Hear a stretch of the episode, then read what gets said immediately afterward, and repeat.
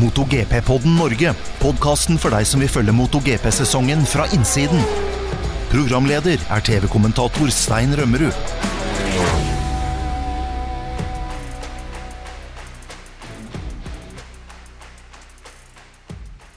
Vi er på plass eh, live i eh, depotet på Misano, og vi har vært så heldige at vi har fått komme inn i bussen til Ayo Motorsport-teamet. Og der har vi jo eh, møtt en fører som veldig mange i Norge heier litt ekstra på. Og det er jo føreren som både er litt tyrkisk og litt norsk, nemlig Dennis Sønsjø. Hei, Dennis.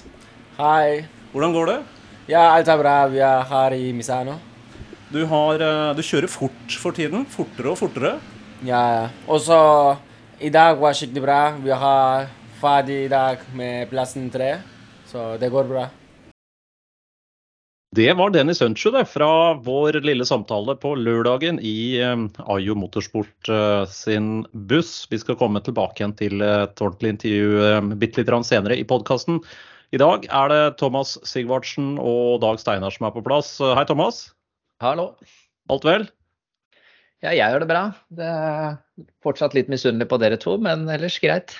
Vi skal fortelle mer om, litt om helgas utskeielser. Dag Steinar, du kom deg aldri på flyet hjem til Norge. Du har rett og slett bare blitt i Italia? Ja, kom meg aldri med det flyet, så jeg ble her. Så her er det veldig bra.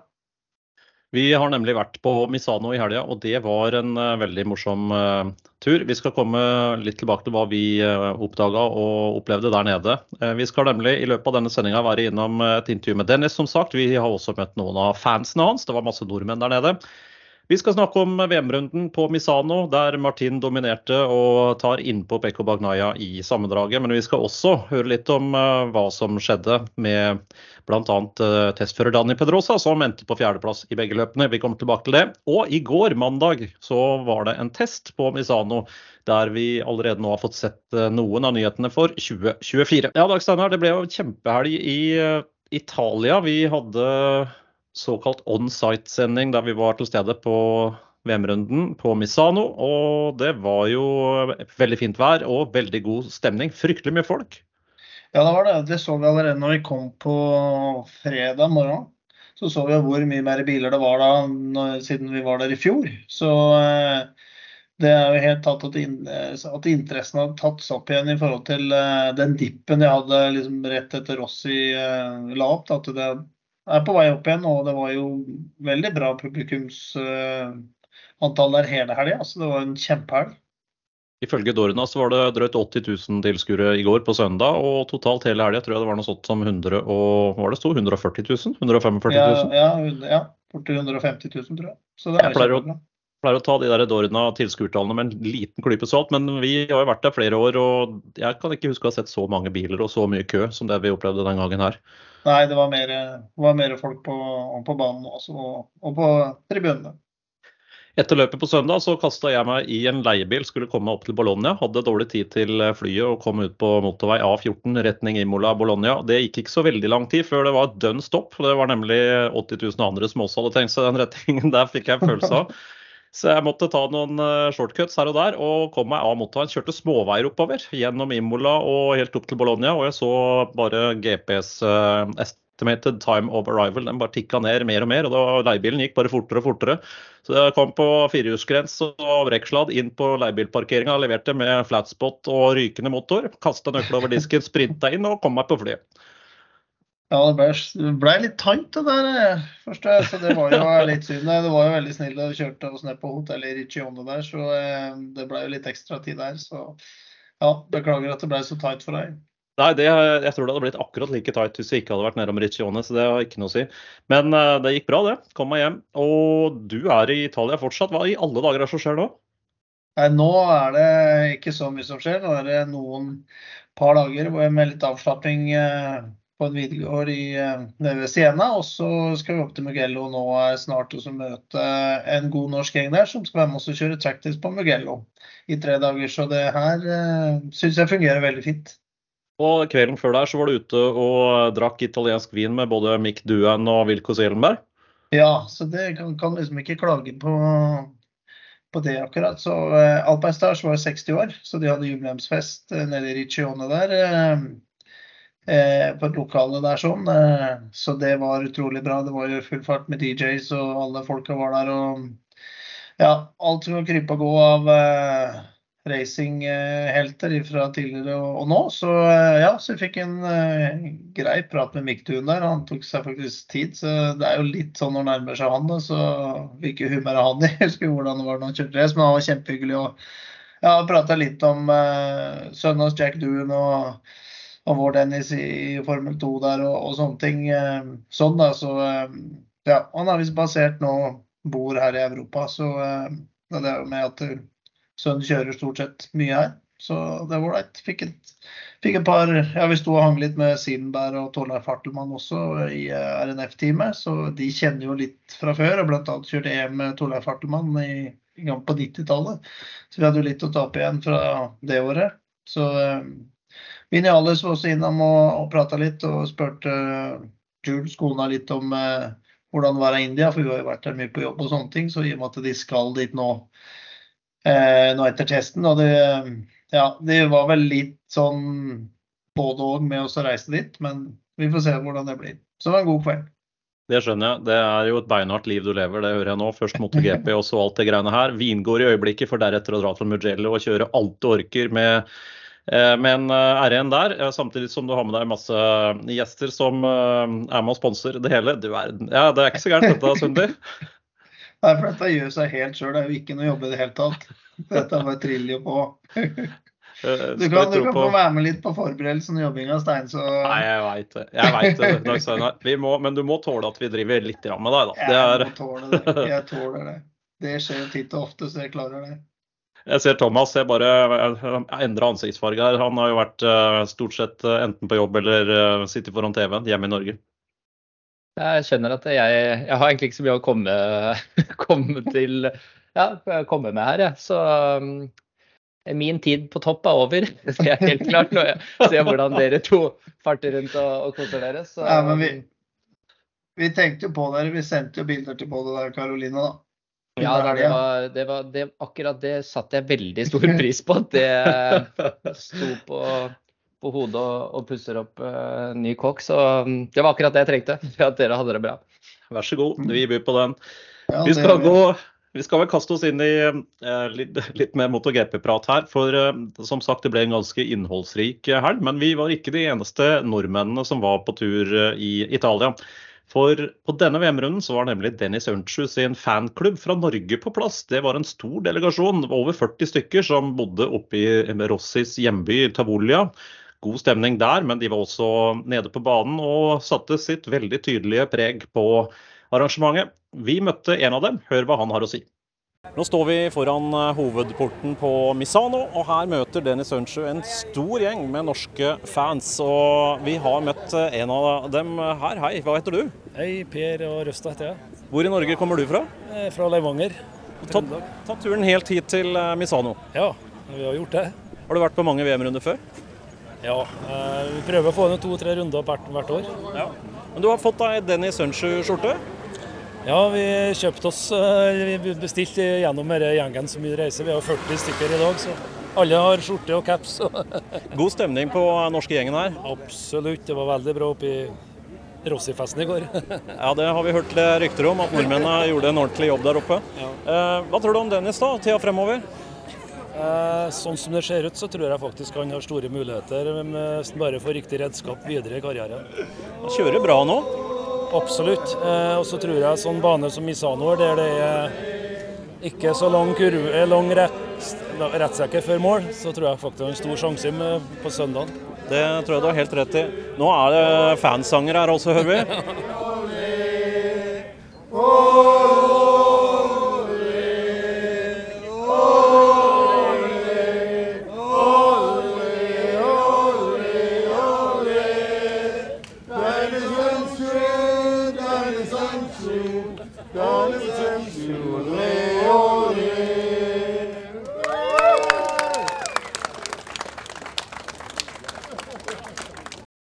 Til og med en fansang der også. Skikkelig stemning. Dennis Hunchu kom ut av eh, depotet for å møte denne gjengen med elleville nordmenn rett utenfor eh, inngangspartiet til eh, banen. og De hadde også med seg en svær banner med tyrkisk og norsk flagg og ordet 'Dennis' på midten. og De hadde egne fansanger, som dere hørte. og Dennis han gjorde jo et veldig bra løp, endte på tredjeplass og kjørte inn i, på innrunden sin med det norske flagget. Han var også borte og hilste på den norske fansen. og ikke bare det, han ga til og med også en setning eller to på norsk under det offisielle intervjuet i Park Fermé. Det var et ganske stort øyeblikk, da, Steinar?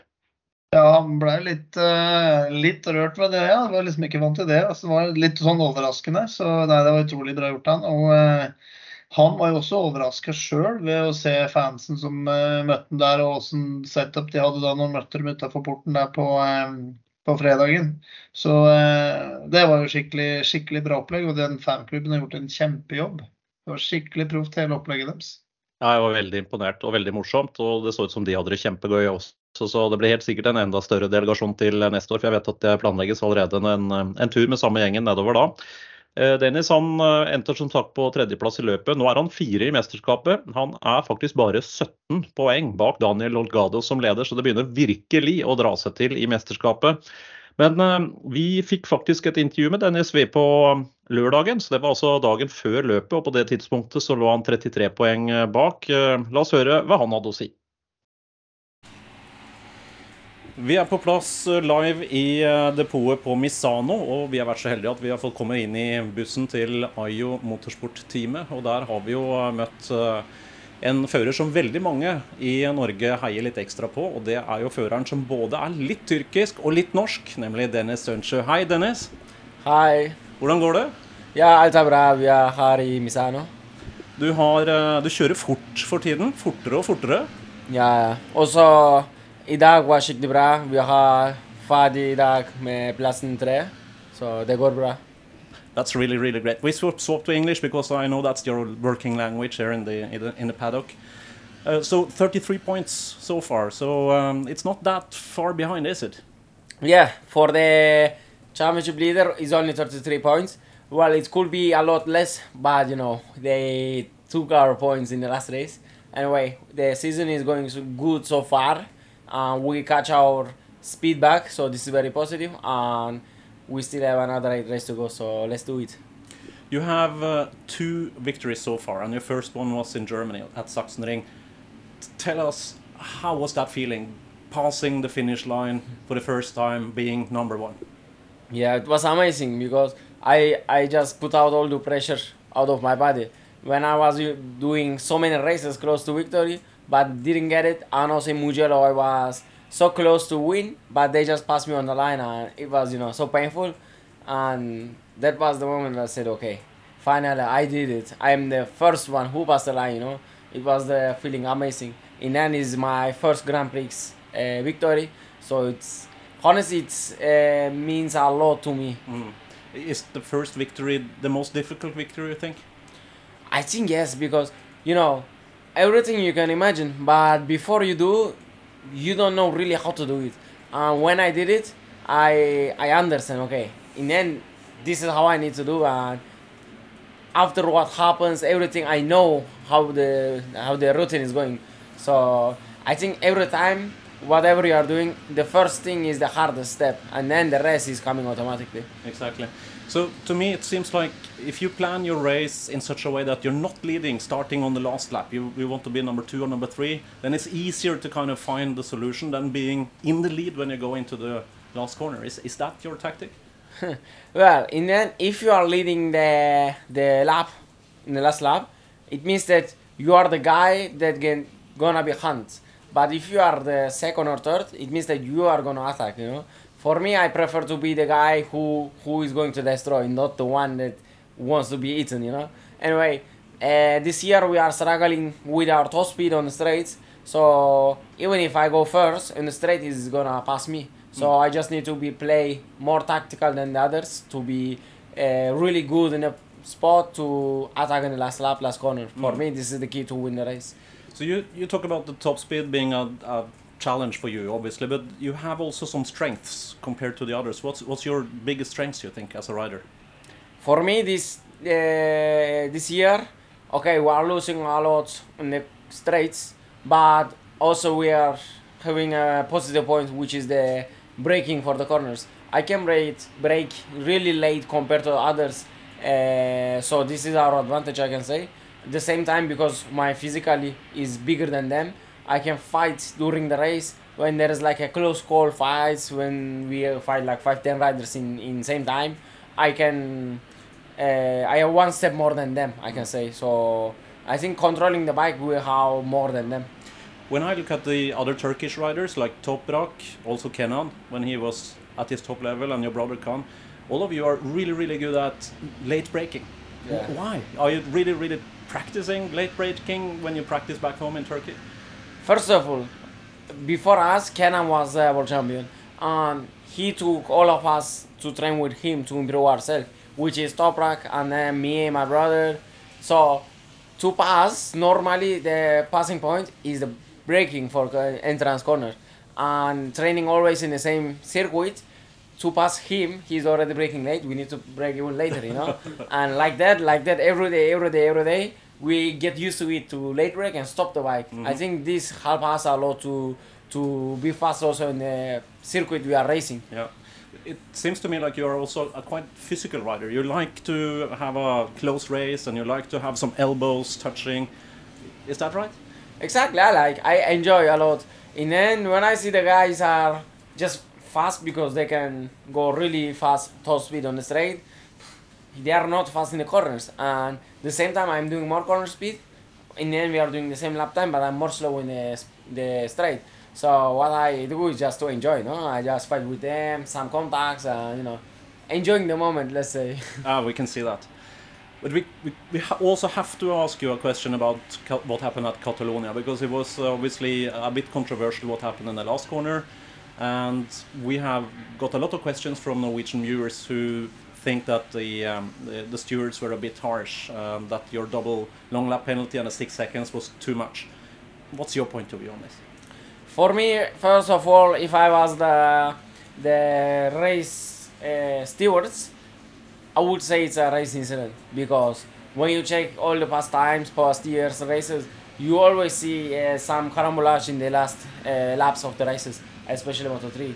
So I think they need to check more carefully. Anyway, uh, even if they decide to give me a penalty, it should be one long lap, and I have to get it in the next race, which is now in Misano. Who is the same like they do every time for every rider.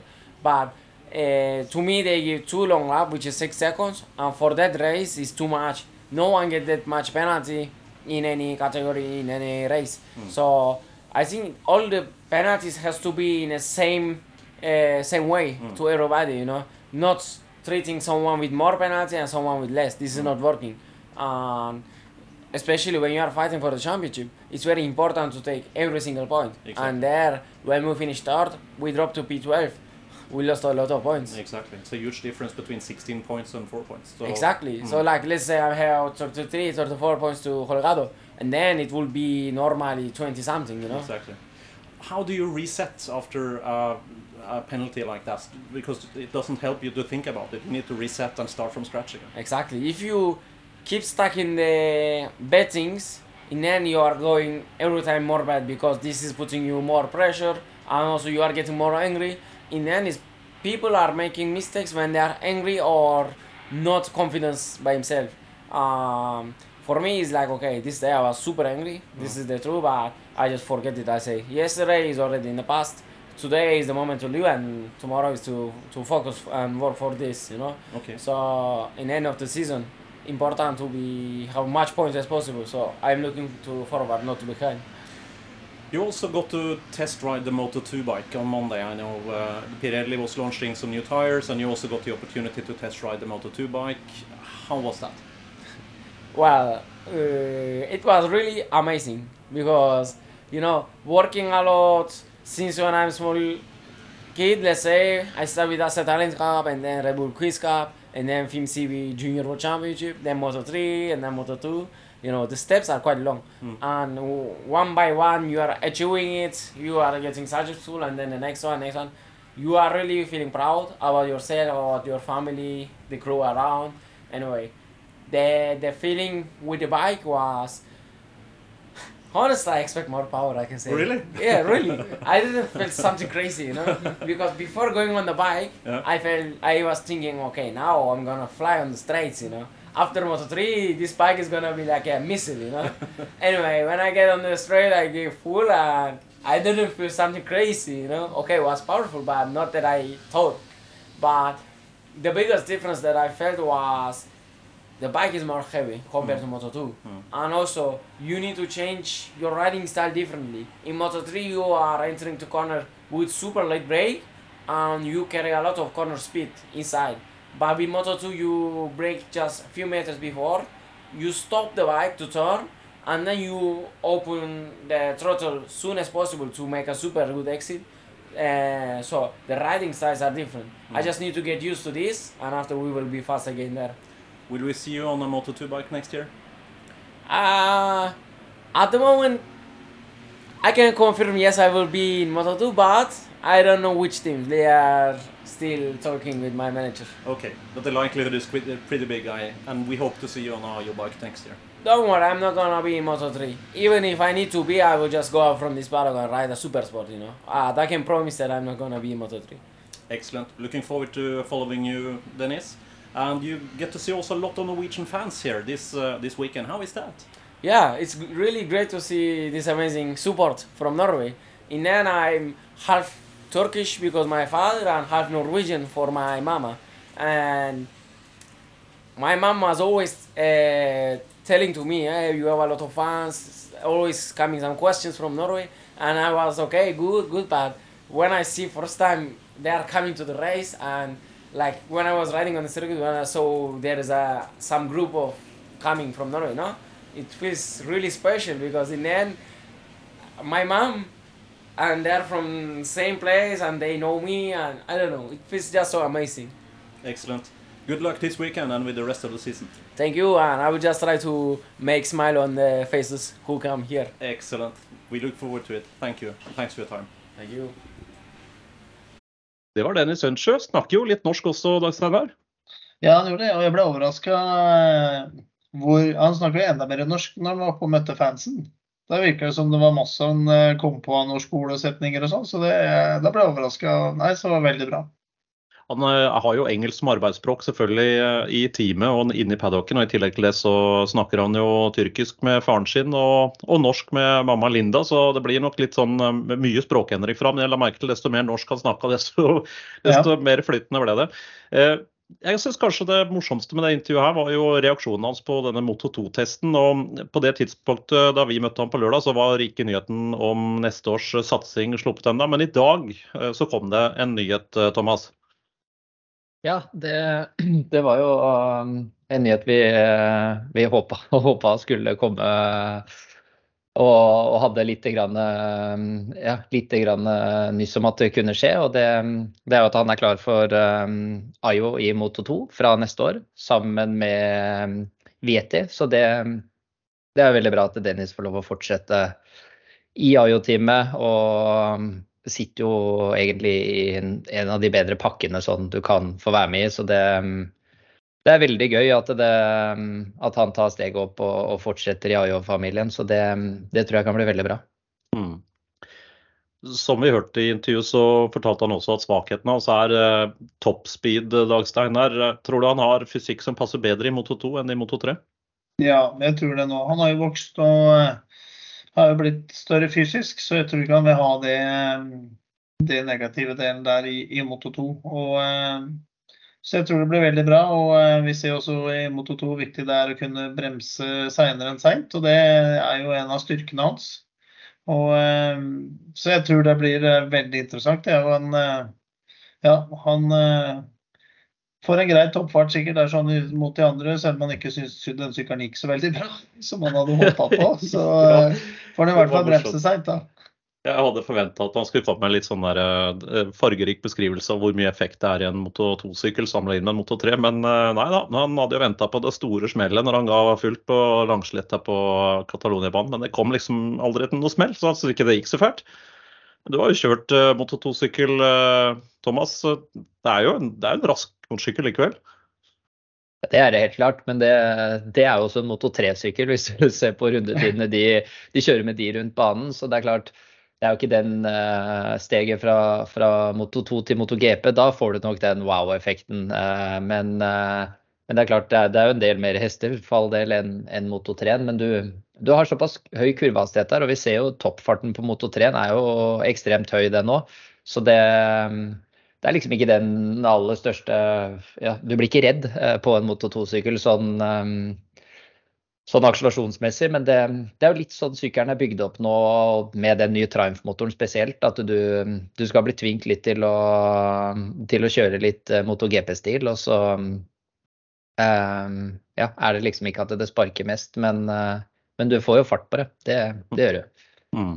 Det blir veldig spennende å følge Eh, Dennis Ønsjø i Moto 2 til neste år. Han eh, ligger som sagt på fjerdeplass i mesterskapet nå. Daniel Holgado 161.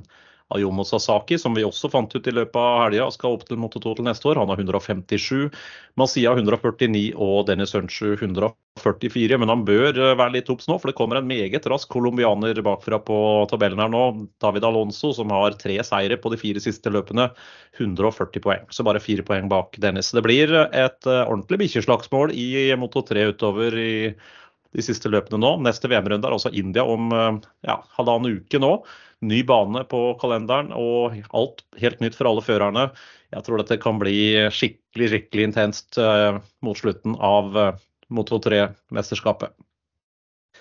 Vi skal bevege oss over til eh, den råeste klassen, for det ble jo en interessant affære der borte. Dag Steinar. Vi var veldig spente på hva Pekko Bagnaya og Marco Bezzecchi ville få til, for begge to var jo skadd. Pekko Bagnaya hadde skikkelig vondt i beinet etter den krasjen i Catalonia. Ja, han var jo ikke noe sprinter akkurat han, så han gikk jo en del på krykker og, sånt sånt også. Men vi så jo under dagene at det ble vesentlig bedre. For på søndagen så gikk han jo eh, mye lettere eh, rundt enn det han hadde gjort på, på fredagen. Så, så, selv om han ikke var så veldig pigg etter racet, han var jo ikke så mye å hente da. Men vi ble overraska både han og Betsecki ut ifra ja, hva man så litt på fredagen. og hvor eh, ja, slitne og litt matte ut de så. da. Vi så også Betsecki på noe pressedrift og sånn også, som ikke var så veldig pigg. Eh, Pekko Bagnaya hadde vel ikke noe pga. også skaden, at han ville ha mest mulig fred og hvile. Men en som hadde en perfekt helg, det var jo Jorge Martin for Pramac Ducati. Ikke bare var han rask på de frie treningene, men han klinka til med en enorm kvalitet på lørdagen. Senka den gamle banerekorden med åtte tideler. Han var seks tideler foran Nei, seks tideler var han senka med, og han var fire tideler foran nestemann. Så det er jo det raskeste noen har kjørt rundt der på en MotoGP-sykkel noensinne. Og ikke bare det, men han tok starten i sprintløpet på lørdagen og leda helt inn til mål. Tolv poeng der. Og han gjentok jammen det på søndagen. Han tok starten, leda hele løpet og sikra seg 25-poengeren. Så banerekord, pole position, sprintløpsseier og hovedløpsseier, 37 poeng. Bedre enn det er vel vrient å få det, Thomas? Ja, det er jo en eh, perfekt helg fra, fra start til mål. Og han eh, Som du sier, den, den, runden han gjorde på den kvalet var jo helt eh, Det var nesten så jeg trodde han tok en snarvei der. For den, den siste sektoren var jo altså, så ekstrem. Så det, det var veldig moro å se. Og han gjorde jo et feilfritt løp fra, fra start til mål. Han gjorde faktisk ikke én eneste feil og varierte jo det er som å gå tilbake litt i tid og se hvordan Lorenzo bare knakk konkurrentene med å ligge foran og marsje. Altså, jeg så utdrag på, på, rundetiden, og det er liksom tre tiendeler forskjell fra raskeste til tregeste runde. og Det, det er helt eh, sinnssykt, det han gjorde. og det, det, var ikke noe lavt tempo. Eh, så, um, så han, eh, han, gjorde akkurat det han måtte. og det, um, men all honnør til Besecki og Bagnaya som, som hadde de smertene, og de gjorde jo to veldig gode løp, begge de to også, må komme bak. For eh, sånn som Martin gjorde det nå i helga, det, det, er liksom en drøm fra start til mål. Mm. Men han hadde vel litt flaks også med, at, eh, med skadene til Martin og Betseki. Martin hadde jo eh, Nei, med skadene til Betseki og Bagnaya, var det jeg prøvde å si. For Bagnaya hadde jo denne krasjen sin i starten i Catalonia. Ble jo overkjørt i beinet der mellom støvelen og kneet og hadde et helt mørkeblått leggbein. Og hadde veldig vondt. Han sleit med å få plassert beinet på fothvileren. De måtte til og med flytte bremsepedalen fordi han klarte ikke å kjøre med tåballen på fothvileren. Han måtte liksom sette midt på eh, den buen under foten, midt på fothvileren, omtrent som en turingpilot. Og da satt han og skrubba bakbrems hele eh, FP1 der. Og de måtte endre mye på geometrien for å få det der til å funke. Og I tillegg så var jo Betzecchi skada i tommelen. Han hadde jo også en krasj i, i, starten på Catalonia og overstrakk tommelen. Hadde jo noen veldig vonde eh, muskler og leddbånd rundt, eh, rundt tommelen der og sleit veldig med det under kjøring. Så det er klart Han hadde jo litt flaks, Martin, i og med at begge de to italienerne var, eh, var skada. Men en frisk Bagnaia, ville Anna utfordra Martin her, eller var Martin så sterk at han ville ha vunnet uansett, tror du, Dag Steinar? Jeg tror faktisk det er sånn at han ville det. For du så den tiden han gjorde, og også den kvaltida, som var eh, så mye bedre enn det tidligere også eh, kvalrekorden. Og med den, som Thomas sier, da, den, det tempoet han hadde, og hvordan han marsja da med et uh, intenst tempo som du bare skiftet da tre-fire tiendedeler på, det, jeg tror de hadde fått virkelig slite da med å få tatt uh, og hamla opp med, med Martino i helga som var, selv om både Besecchi og unnskyld, Bagnai har tusenvis av runder på Misano. Mm. Hva tror du, Thomas?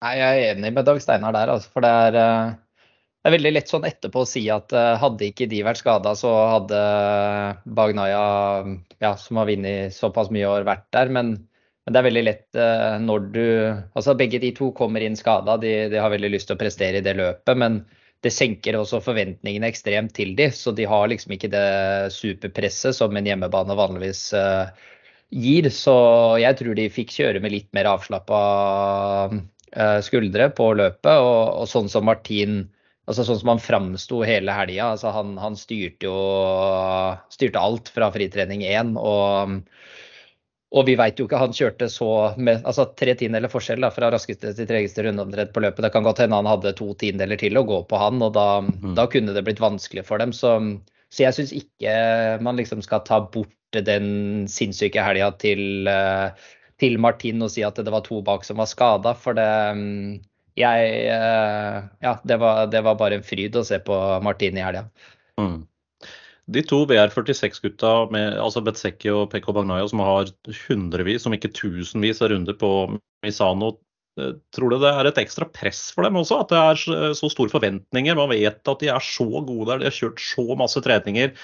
Det var eh, alt av familie, venner, naboer, hele regionen forventer at her skal det bli på en måte hjemmeseier. Er det, er det en stressfaktor? Virker det negativt eller positivt, Thomas?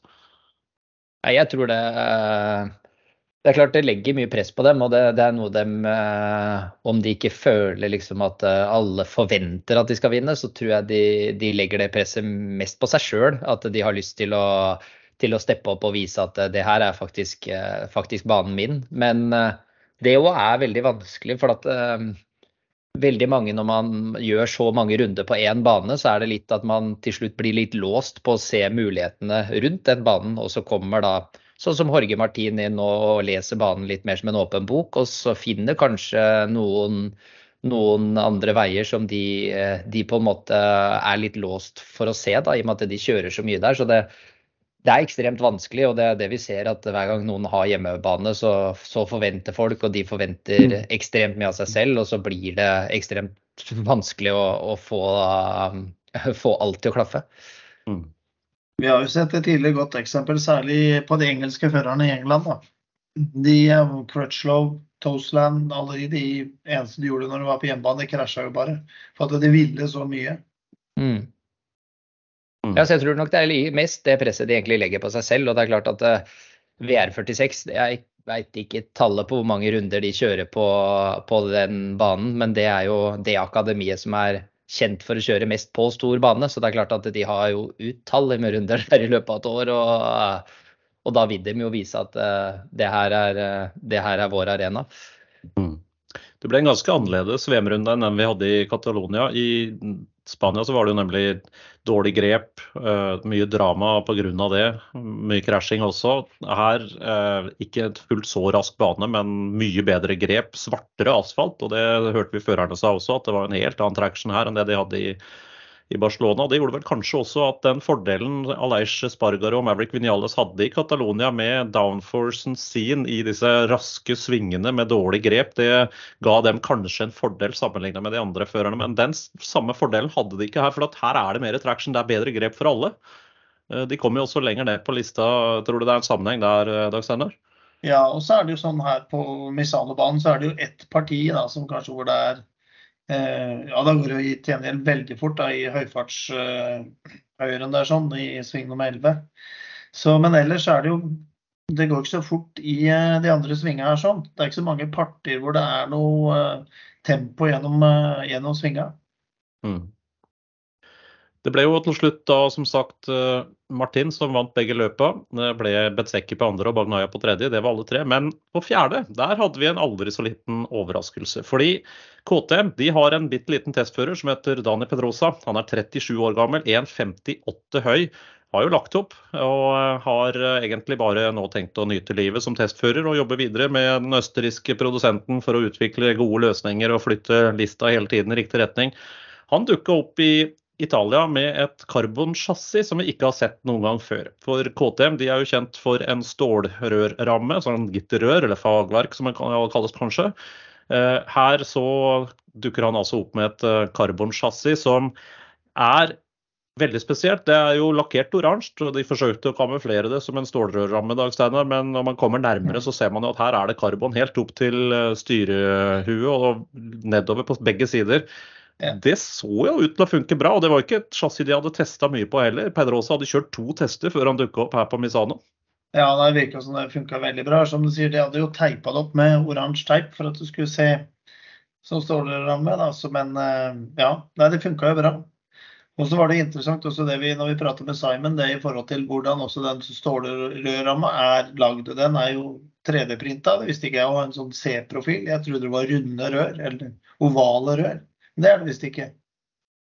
Nei, den er hul på baksida, sa Simon Crayfar. Han hadde holdt i en av disse rammeprofilene. Jeg vet at han var en av de journalistene som fikk slippe inn i det aller helligste hos KTM i Matic-Hoffen. Og fikk virkelig se produksjonen av masse av disse goodies-delene på nært hold. Og der printer man altså ramma. Det er en stålprinter som printer 3D-printer ramma i C-profil, så den er hul på innsida. Og dette her forsker de jo mye på. KTM er jo gode på det, for de bruker jo denne teknologien både i motocross og supermotard, enduro og alle disse andre grenene de holder på i. Og de vet mye om hvordan man kan skape riktig form for stivhet. fordi rammene skal ikke være for stive heller, de skal ha litt lateral fleks, altså sideveis fleks som det heter. Og der har de truffet kjempebra. Men likevel så har de nå valgt å gå for en karbonløsning som da kan gi akkurat samme formen for flex, men er lettere. Og man snakker jo om at det er en vektbesparelse på 2-3 kilo på ei ramme. Det er klart det gjør at de kan plassere de 2-3 kiloene mer optimalt et annet sted på motorsykkelen, for den er jo uansett nede på minimumsvekta på 157 kg. Men du verden for en um, satsing. Uh, Dani Pedrosa klinka til, var med og kjørte seg oppover i feltet, var aggressiv. Var også nært uh, Pekko Bagnaya egentlig i begge løpene. Uh, vi fikk jo en prat med han på lørdagen, Dag Steinar. Og mm. det som jeg kanskje syntes var mest interessant med den samtalen, var jo at han fortalte at det å komme nær Eron bakfra, når han lå bak Pekko Bagnaya, så merka han veldig hvor dirty air, hvor mye dirty air det er der. Det er vanskelig å passere. Han sa enkelte partier, hvis du kom på litt feil vinkel bakfra, så ble sykkelen veldig ustabil. Han kjente at han gjorde liksom Han viste oss hvordan dette her uh, shaker når han kommer, eller rister da, når han kommer i, i den turbulensen bak Ducatien, og sa det er veldig vanskelig å passere. Han var det, og han ville jo ikke risikere noe sånt. Men han sa også det var veldig ga dem også mye feedback i forhold til når de testa ved å ligge bak de andre konkurrentene og se hvordan sykla deres fungerte og sånne ting, og ta eh, lærdom ut av det. Så ehm, det er veldig interessant å høre på hva han hadde å si. Fikk jo også faktisk vite at uh, han ble tatt for juks. Det var kanskje litt overraskende. Men uh, han stilte til start med altfor lavt lufttrykk. Uh, Thomas, når du gjør bare et wildcard-innhopp og du stiller med altfor lavt lufttrykk, så får det ingen andre konsekvenser at du får en advarsel. Og det spiller ingen rolle, for han skal ikke kjøre noen flere løp i år. Så tror du KTM gambla på det, eller var det uflaks? Nei, det, det er jo lett å si, si etterpå at uh, jo, vi satt trykket fordi vi regna med det, og at man, man gambla på det, for man, man kom unna med det. Men det, det her er jo det som er det vanskelige med den dekktrykk, den nye reglene de har kommet med nå. For at dekket er så forskjellig avhengig av om de ligger i en gruppe eller om de ligger alene. Og KTM sa vel at, eller unnskyldte seg med at de regna med at Pedrosa kom til å bli ligge, sammen, ligge sammen med en del andre førere. Og da, da at de gikk ut på, på, det trykket de gjorde. Men så ble jo han liggende veldig mye aleine på løpet og, og, kjørte jo inn da Bagnaya til slutt. Så jeg tror vel ikke at de gambla på det egentlig i det løpet. Men det er det her jeg misliker med det regelverket. At vi kommer til å få Altså, det, det er umulig. Det er ingen som kan si at uh, i det løpet her så kommer jeg til å bli liggende som nummer to bak, uh, bak førstemann. Og så, så, får du et helt annet trykk enn om du ligger først og leder. Uh, så det, det, det, kommer til å bli utfordrende å håndheve det, det regelverket her fullt ut. Så men jeg tror ikke KTM spekulerte i og, prøvde å jukse sånn sett. Altså det, det, tror jeg ikke. Nei, det tror jeg. Jeg tror de la seg lavt, og de visste at det var på grensa, men konsekvensene ble null. De hadde alt å vinne på å få Pedrosa så høyt opp som mulig, men det vil vi aldri få svar på. Så kan jo du si at du ikke tror det, så kan jeg tro at jeg tror det. Så er vi uenige. vi er enige om å være uenige der. Ja, veldig bra. det er helt greit. Men eh, det er klart, eh, for Michelin sin del så er det vanskelige tider nå. Men de har jo egentlig utvikla et nytt fordekk som skulle ha vært eh, inne i MotoGP-serien i 2020-sesongen, 2021-sesongen. Men da var det jo midt i pandemi. De valgte å utsette det. Og i mellomtida så har det jo skjedd veldig veldig mye på Ero og på bremser, så belastningene og varmeutviklingen på de fordekka har jo bare blitt ekstrem i mellomtiden. Så de jobber jo nå med et nytt fordekk som vi skal få i 25-sesongen, blir vel det. Så de skal mm. flytte seg litt nærmere 20, gjennom 24, og så skal man få et helt nytt dekk i 25. Jeg vet at mange av produsentene, altså motorsykkelmerkene nå, litt, eh, de har litt blanda følelser for det her. For det, det, ene er at det er en utfordring nå med at dekkene blir veldig varme pga. Aero og voldsom bremseutvikling, og ikke minst også, eller varme fra bremsene da, og ikke minst også varme som genereres fra motorsykler du ligger bak. Det har vi jo sett. og Et varmere dekk gir høyere trykk, og høyere trykk fører til dårligere grep. Det vet vi bare. Men eh, nå har jo fabrikantene etter hvert også begynt å finne litt mer ut av det. De har testa mye, og de, disse syklene er på mange måter bygd til de Michelin-dekka som er i dag. Så jeg vet at det er flere som nå er litt bekymra for at det kommer så store endringer på fordekket at man må begynne litt på nytt igjen med med chassis og aero. Eh, vanskelig balanse dette her, eh, Dag Steinar. Det er jo du som ja. driver i dek dekkindustrien her. ja, men eh, det er jo sånn det blir at det har jo vært siste året at sykler blir bygd etter dekka eh, nå. Det er det, det er det, viktigste når det er enhetsdekk. Og eh, klart det med at de skal nå komme med nytt dekk i 25, men de skal nærme seg nå i 24, så vil jo det gi utfordringer eh, sånn sett. Da. Men det, i hvert fall når helt nye fordekket kommer da i 25, som er litt andre eh, dimensjoner. Profil og, og, og, bredde og sånn, kanskje. Og eh, skal være konstruert så man ikke får det problemet man har i dag med det enorme økningen av trykket som man kan få når man ligger i, i sammen i en klynge.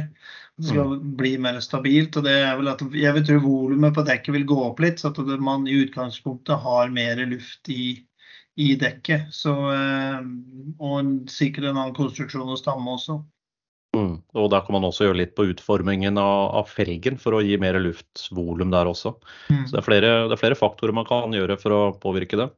Men det ble også kjørt en test på mandagen etter løpssøndagen på Misano, og det ble to uh, offisielle treninger der. Det ble en liten lunsj midt på dagen, og så var det full trening igjen. Full, uh, full, test på ettermiddagen. Og dette er jo en veldig viktig test, for det er svært få offisielle tester med dagens reglement. Og det ble faktisk hjemmefører Luca Marini for Muni VR46 eh, med sin fjorårs Ducati, som var raskest av alle. Han satte en 1.30,6-runde og det er jo litt oppløftende for Marini, for han sleit jo litt hele helga med feste. Jeg møtte Johan Stigefelt på flyplassen, og vi hadde samme flight til København, så vi boarda samtidig og fikk en god prat. og Han fortalte da at Marini hadde slitt med med traction. Han fikk ikke, fikk ikke noe akselerasjon, fikk ikke effekten ned i asfalten. Det spant, og de klarte ikke å finne et setup som fungerte for ham. Så han var veldig, Marini hadde vært veldig skuffa over egen innsats den helga her, men da er det jo desto mer oppløftende at han får bestetid på, på mandagen. Ja, det kan jo også hende at det traff bedre, for det, det er litt problemet når man tester etter en race her. Det har jo blitt lagt så mye Michelin-gummi i bakken, og det grepet de har på siste halvdel av testdagen og etter så mye kjørt, er jo helt vanvittig. Så da, som binder så du kan gjøre hva som helst. Det sitter jo uansett. Mm. Men Thomas, du har gjort litt research og har litt oppdatering på hva som faktisk ble testa på, på, mandagen. La oss se litt på de ulike merkene. Vi kan begynne med Honda. Hva, hva fikk, hva fikk Marquez og Mir prøve? De fikk jo prøve sykkelen som Bradel kjørte da, da gjennom helga, som skal være type eh, en proto type 24-modell. Eh, hvor det er en ny ramme igjen. Eh, etter hva jeg har klart å finne ut av, så er det Honda som har produsert den selv. Eh, det er ikke en ny Carlex-ramme. Eh, så har de jo en ny, eh, ny hekk eh, med en sånn vibrasjonsdemper i. De hadde litt oppdatering på aeroen. Så det er jo ja, en del steg på den motorsykkelen. Men det var vel Marquez som gjorde flest runder på den. og var jo ikke noe sånn super, super, super happy med det han fikk prøve. Han mente at det var mye av de samme problemene som de eh, hadde på den gamle sykkelen. Så det, de har helt klart en jobb å gjøre for å, å komme seg videre i, til neste år. Mm. Og Marquez sier jo at han vil offentliggjøre sine 2024-planer et eller annet sted mellom India og Japan, er det vi har hørt nå. Det ligger ute som hovedsak på motorgp.com også. Så vi får se om ryktene om hans overgang til Gresini blir noe av eller ikke. Vi snakka med Simon Crayfar der nede, Dag Steinar. Han hadde ikke særlig tro på det ryktet der? Han hadde ikke tro på det. og um, jeg spurte, med, spurte Wilhelm Silberg også på, uh, på søndagen, og han uh, ja, Nei, de trodde kanskje at eh, Ja, de, de sa det er jo noe i det. Men eh, mm. det spørs Alt hadde jo å si med den testen som var nå på, på mandag. og ut ifra det, men de, ja, de trodde kanskje at det kunne bli et bytte, de, da. Mm, og Det samme sa Johan Stigfeldt da jeg snakka med han på Bologna Airport. der. Han trodde også at dette ble noe av. Men, eh, og at han mente det var en don deal allerede. Men det er jo ingen av disse som vet det 100 Det er det bare Marquez og Gresini som vet. Mm. Så det blir jo bare gjetting og spekulasjoner. Vi får svaret som sagt et eller annet sted mellom India og Japan der. Men det var Honda, Thomas. Hva hadde Yamaha tatt med ut av, eh, av eh, disse kassene de frakter fra Japan? Nei, De hadde tatt med seg mange motorsykler. De hadde jo fem sykler stående i garasjen der, så det blei ble vel testa veldig mye fram og tilbake. De var både på og av med nye Aero. Eh, en del vi eh, allerede har sett med den eksosen de brukte også på Catalunya. Eh, det var en del de hadde med på Jerez på testen der, som Morbidelli testa da, en ny Aero-pakke som, som, de også hadde på. Så Morbidelli kjørte vel i hovedsak den sykkelen han har nå, og veksla på Aero, mens Quartararo fikk prøve da en ny motor. De hadde ikke noe nytt på chassissiden, men en del ny aero og en ny motor som, som Yama selv er veldig positiv over. Og, og mente jo at det var et bra steg, mens Quartararo hadde vel kanskje forventa litt mer. Så det, det, er jo veldig mye det samme vi ser både Yama og, og Honda. At det, det, virker ut som eh, at det er liksom ikke bare å legge på aeroen, og så er sykkelen i orden. Du må, du må binde sammen alle trådene, og, og det er eh, ja, de, de, henger liksom typ fire år etter alle de andre. Og det, det hjelper ikke bare å bytte kåpa da, og så er det i orden. Så, mm, så de går litt rundt og uh, har vel ikke en helt klar plan. Så um, de har jo fortsatt de samme folka. Og sånn da var det vel noen nye, nye uh, personer inne i, i prosjektet òg, så det hørte jeg ikke noe om at det var hos Yama. Men um, det var på lik linje som, som, Honda. De eh, kjørte omtrent akkurat det samme tempo de hadde i helga, og ikke noe store fremskritt. Men igjen, det er jo en prototype, så det, mye kan skje. Mm. La oss se på de andre merkene. Ducati, der var det ikke så store endringer. De er vel eh, så nært den perfekte MotoGP-sykkelen akkurat nå at det ville jo være dumt å utvikle seg i feil retning. Ja, det er klart de eh, de har så mange motorsykler nå, de får på en måte testa um, jevnt gjennom hele sesongen. Så du ser de kommer med noen små oppdateringer hele tida. Og nå, Nå var det vel slutt på uh, De har kjørt forskjellige aero en lengre periode nå, Martin og um, Bagnaya. Nå kjørte de med helt lik, um, lik toppaero. Um, så jeg tror de på en måte Det var jo Bagnaya kjørte jo ikke testen. Uh, det samme gjorde ikke Besecki, vel. Uh, så det, det var Jorge, ja, det Martin som, Jorge Martin som gjorde noen runder, og det, de, de, uh, de, vil nok bruke de testdagene, spare det til når de får behov for det. Og akkurat sånn som situasjonen er nå, så, så, så har ikke de noe stort behov for å teste masse nytt, tror jeg. Nei, det er fullt forståelig. Aprilia, da? Var det noen store nyheter der? Ikke noe stort. Eh, de, eh, de kjørte gjennom noe. og jeg tror de brukte vel mye av testen på å prøve å kartlegge litt hva er det som gjør at de ikke presterer når det er mye grep. Eh, stort sett så er det et enklere problem å løse når du ikke klarer å omsette et godt grep, enn om du ikke klarer å omsette et dårlig et. Så, så det er vel bare De kommer nok sikkert til å finne ut av det, men det er klart det er en stor forskjell i prestasjonen fra Catalunya til nå eh, Misano. Så um, litt uflaks med Spargaro, som, som, da slo seg litt i helga og ikke var, um, var, helt i hundre. Men, um, men, det var litt mer anonyme nå enn det vi så forrige helg. Så det, der er det nok, uh, ble det nok jobba veldig mye med elektronikken, tenker jeg. Mm. Og, og noe, noe nytt, da. Sånn aero, men bare noe smått. Og Vinjales satte nest beste tid på testen. og Det har vi sett mange ganger før også. Han er rask på test, rask på trening, men han får det liksom ikke ut i løp. Men det er, eh, det er tydelig at de jobba videre med det, det oppsettet og det, de løsningene de stort sett hadde. Men oppløftende for Vinjales i hvert fall at han satte en et 30,83-runde på den testen som beste, og det er 0,2 eh, bak den kjempetida til Luca Marini.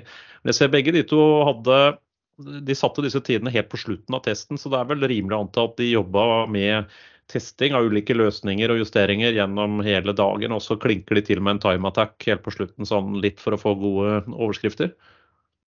Ja, det blir veldig Det er litt forskjellig hvordan testprogram man legger opp. For noen ganger så, så ønsker man å gå ut litt tidlig. Eh, det kommer litt an på hvordan været er liksom lagt, lagt for dagen. Men eh, litt i forhold til temperaturer. Og så setter man jo Man har en klar plan på hva man skal gå igjennom, og så er det litt, eh, litt med hvordan testen drar i vei. Og det Stort sett når noen er ute og, og, gjør en sånn time attack på slutten, så er det tegn på at de har funnet noe under testen mm. som de virkelig vil bekrefte, og reise derfra med en god følelse. Så, så det er positivt det at uh, de avslutter dagen sånn. Da er, det, da er, det, noe de har fått justert inn i løpet av dagen som, som er til det bedre.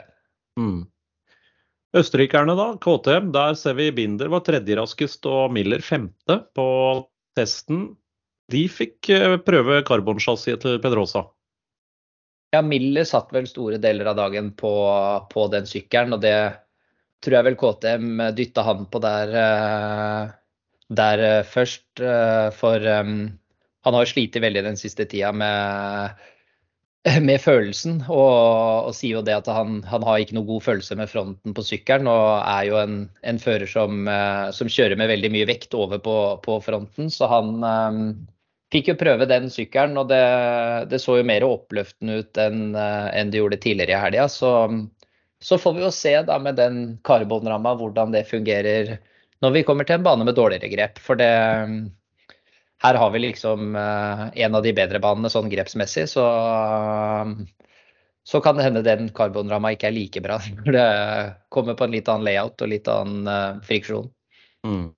Vi får i hvert fall en ørliten forsmak på hva vi har i vente, både fra KTM, Aprilia og ikke minst Honda og Yama denne, denne helga.